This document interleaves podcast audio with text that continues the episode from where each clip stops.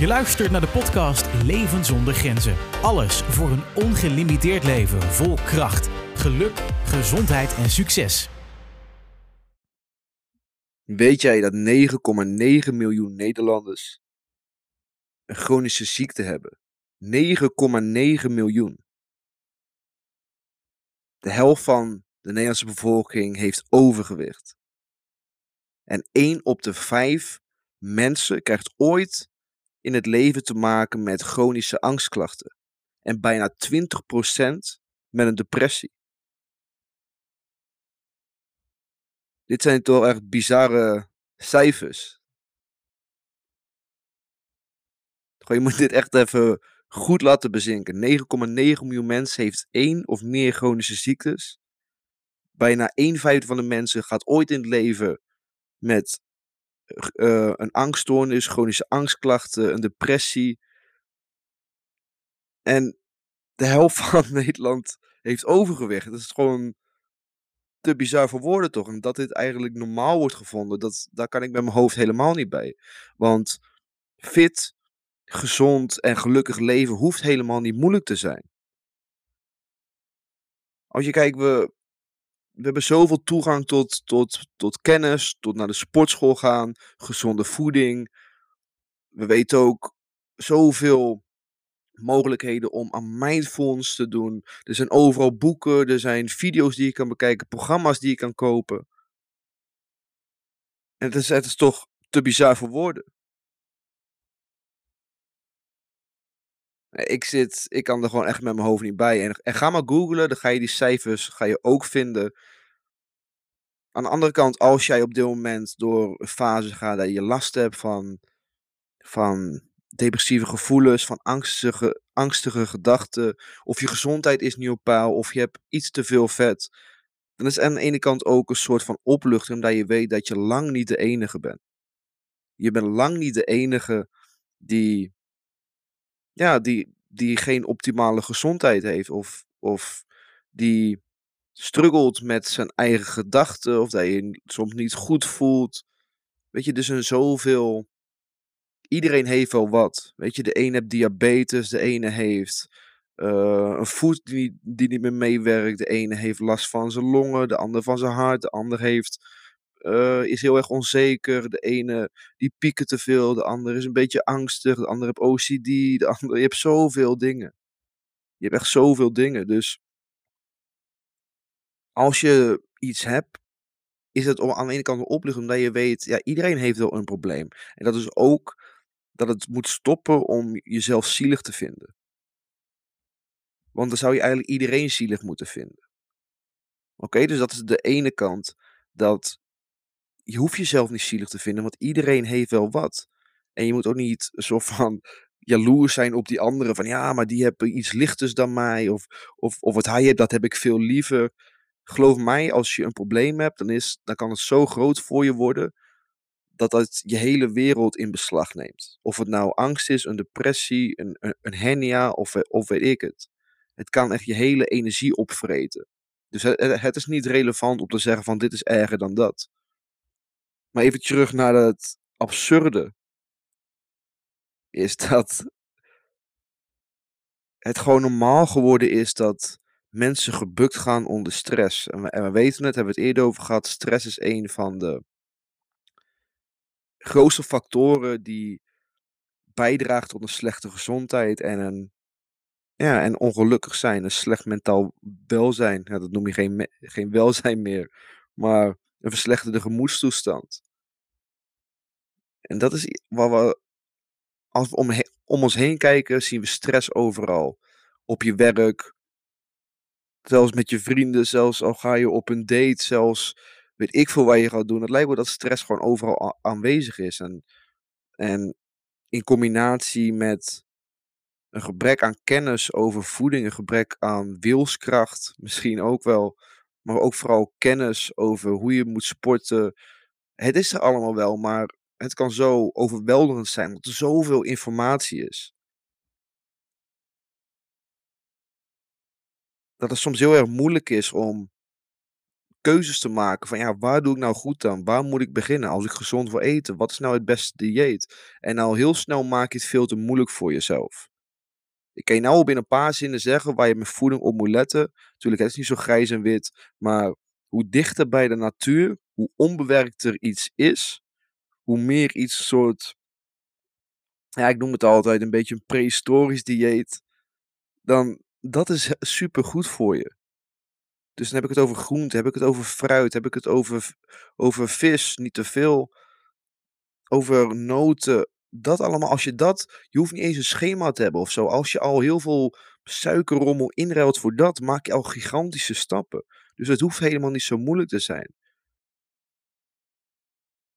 En het andere is ook dat heel veel mensen die doen dan, die gaan ook uh, één tactiek, of nou ja, ik ga niet eens een tactiek noemen, of die focussen zich op één vlak van hun leven. Dat kan bijvoorbeeld fitness zijn. En die bijten zich daarin helemaal in vast. En die denken van als ik dit helemaal op orde heb, dan gaat mijn hele leven volstromen met meer gezondheid, meer geluk. Maar zo werkt dat niet. Het is niet als je alleen fanatiek gaat fitnessen, dat, dat dan alles voor je verandert. Het gaat om een combinatie van dingen. Oké, laten we fitness nog even gebruiken. Stel je naar de sportschool. En je gaat dus alleen maar die herhalingen doen. Of je gaat alleen maar op een loopband staan. Dan ga je nooit het lichaam krijgen dat je wil. Ja, tuurlijk, je kan af vallen. Omdat je nu opeens, omdat je dieet hetzelfde blijft en je gaat sporten. Dus je verbrandt extra calorieën. Maar verder dan dat. Als je echt dat droomlichaam wil, dan ga je dat niet bereiken. Want het is een combinatie van voeding. Het is een combinatie van slaap. Het is een combinatie van stressmanagement. Wellicht ook supplementen. Voor de meeste mensen zeker supplementen. Anders hou je behoeftes niet. Of je, of je hebt extra eiwitten nodig.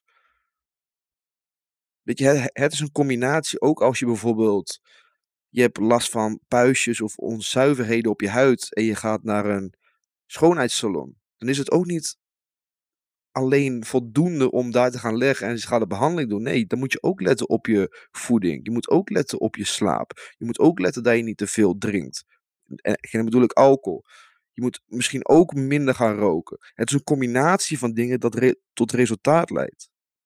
Het is nooit één ding dat, dat, en dat je kan doen dat alles in je leven zou veranderen. Er is niet een wondersupplement van, oh, ik neem een pilletje en dan opeens gaat alles beter. Dan krijg ik meer controle over mijn gedachten. Dan krijg ik controle terug over mijn gezondheid. Nee, het is altijd een combinatie van meerdere vlakken van je leven waarin je moet gaan transformeren om meer gezondheid en welzijn te ervaren. En dat is vooral wat er fout gaat. Dat er niet wordt gekeken op een holistische manier naar de mens. Als je alleen, als je bijvoorbeeld, als, als iemand heel gezond leeft.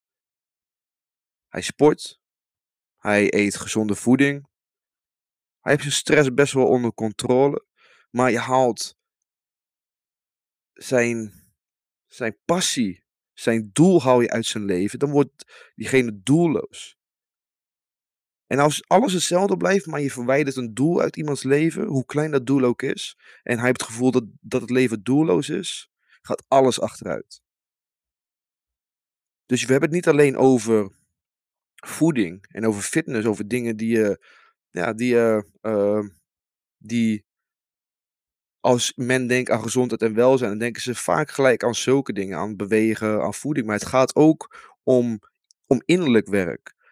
Om als je een passie hebt, vloeit alles om je heen op. En dat versterkt je fitness, dat versterkt je voeding.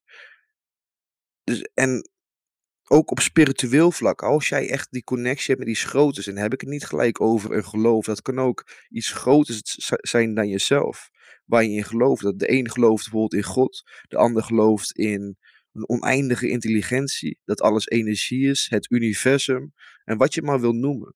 Als, als die connectie goed is, dan draagt het ook bij aan je kwaliteit van leven. Dus er zijn meerdere puzzelstukjes die we vaak over het hoofd zien. Dus niet alleen voeding, niet alleen fitness, maar ook spiritueel vlak, je passie, je doel, je connectie met iets groters. En ook je mindset. Hoe ga je met tegenslagen om? Hoe zie je het leven? Zie je het altijd het glas half vol of half leeg? Dus je hebt heel veel knoppen waar je aan kan gaan draaien. En als alle knoppen, als, als er wijsjes van al die knoppen de goede richting op staan,